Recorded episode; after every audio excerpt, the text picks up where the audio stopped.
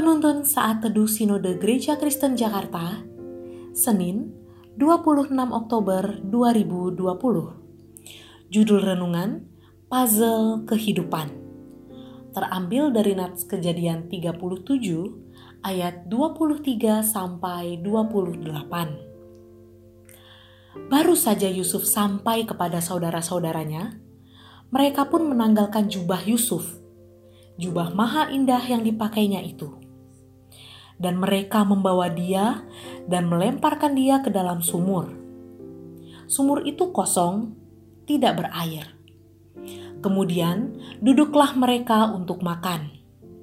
Ketika mereka mengangkat muka, kelihatanlah kepada mereka suatu kafilah orang Ismail datang dari Gilead dengan untanya yang membawa damar, balsam, dan damar ladan dalam perjalanannya mengangkut barang-barang itu ke Mesir. Lalu kata Yehuda kepada saudara-saudaranya itu, "Apakah untungnya kalau kita membunuh adik kita itu dan menyembunyikan darahnya? Marilah kita jual dia kepada orang Ismail ini.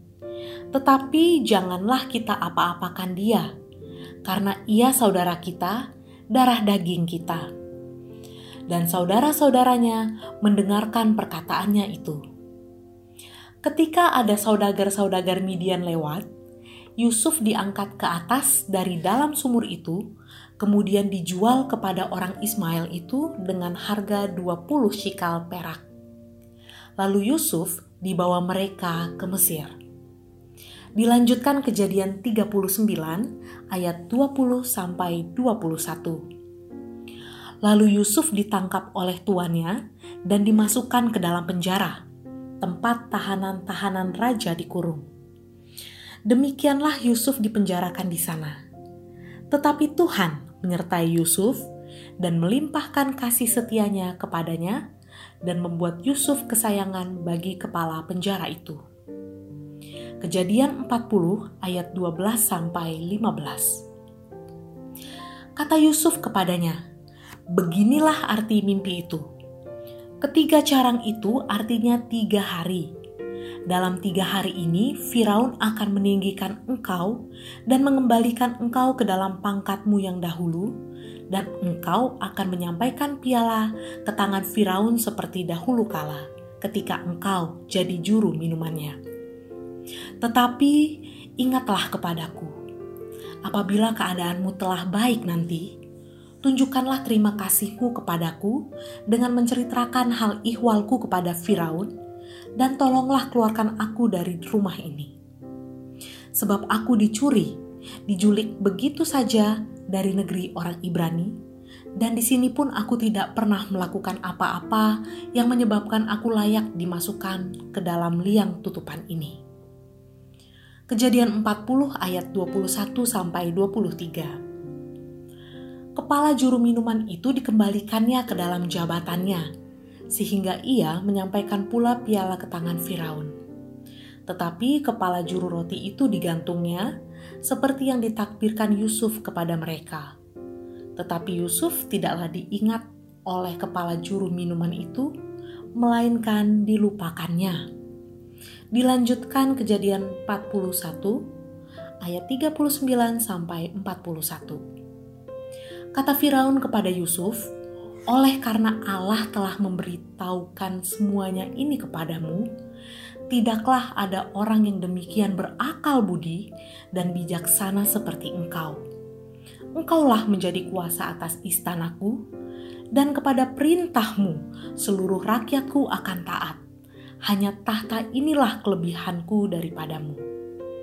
Selanjutnya, Firaun berkata kepada Yusuf, dengan ini, aku melantik engkau menjadi kuasa atas seluruh tanah Mesir.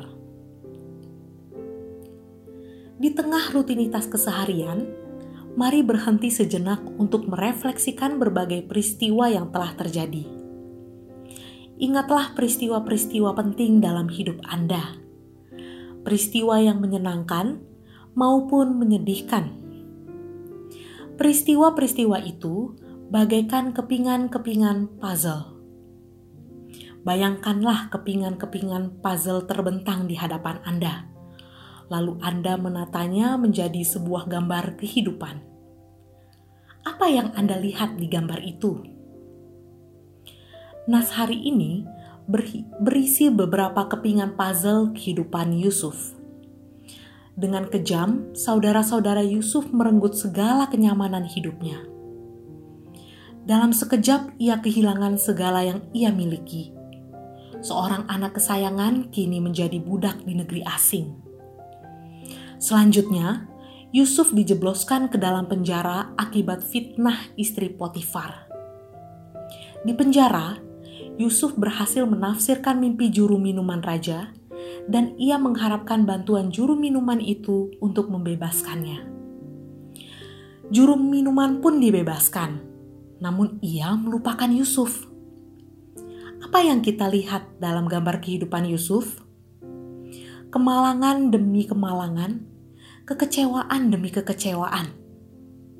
Yusuf seolah berada di jalan buntu namun tak sekalipun Alkitab mencatat keluh kesah dan keputusasaan Yusuf. Ia tidak kehilangan harapan, sebab ia menaruh harapannya pada Tuhan. Kesusahan datang silih berganti, namun Yusuf tak membiarkan harapannya terkikis. Kepingan puzzle berikutnya membuat kita mulai memahami gambar kehidupan Yusuf ia diangkat menjadi penguasa di Mesir. Akhirnya Yusuf berhasil menyelamatkan keluarganya dan bangsa Mesir dari bencana kelaparan. Melalui berbagai kesulitan, Allah mempersiapkan Yusuf untuk menggenapi rencananya yang indah. Menjalani berbagai episode kehidupan, pandanglah selalu pada Yesus. Nantikan yang terbaik dari Allah. Tetaplah berharap padanya meski kita belum melihat pertolongannya. Pegang teguh janjinya, sebab aku ini mengetahui rancangan-rancangan yang ada padaku mengenai kamu. Demikianlah firman Tuhan, yaitu rancangan damai sejahtera dan bukan rancangan kecelakaan untuk memberikan kepadamu hari depan yang penuh harapan. Tuhan akan mewujudkan rencananya yang indah dalam hidup kita Tuhan Yesus memberkati.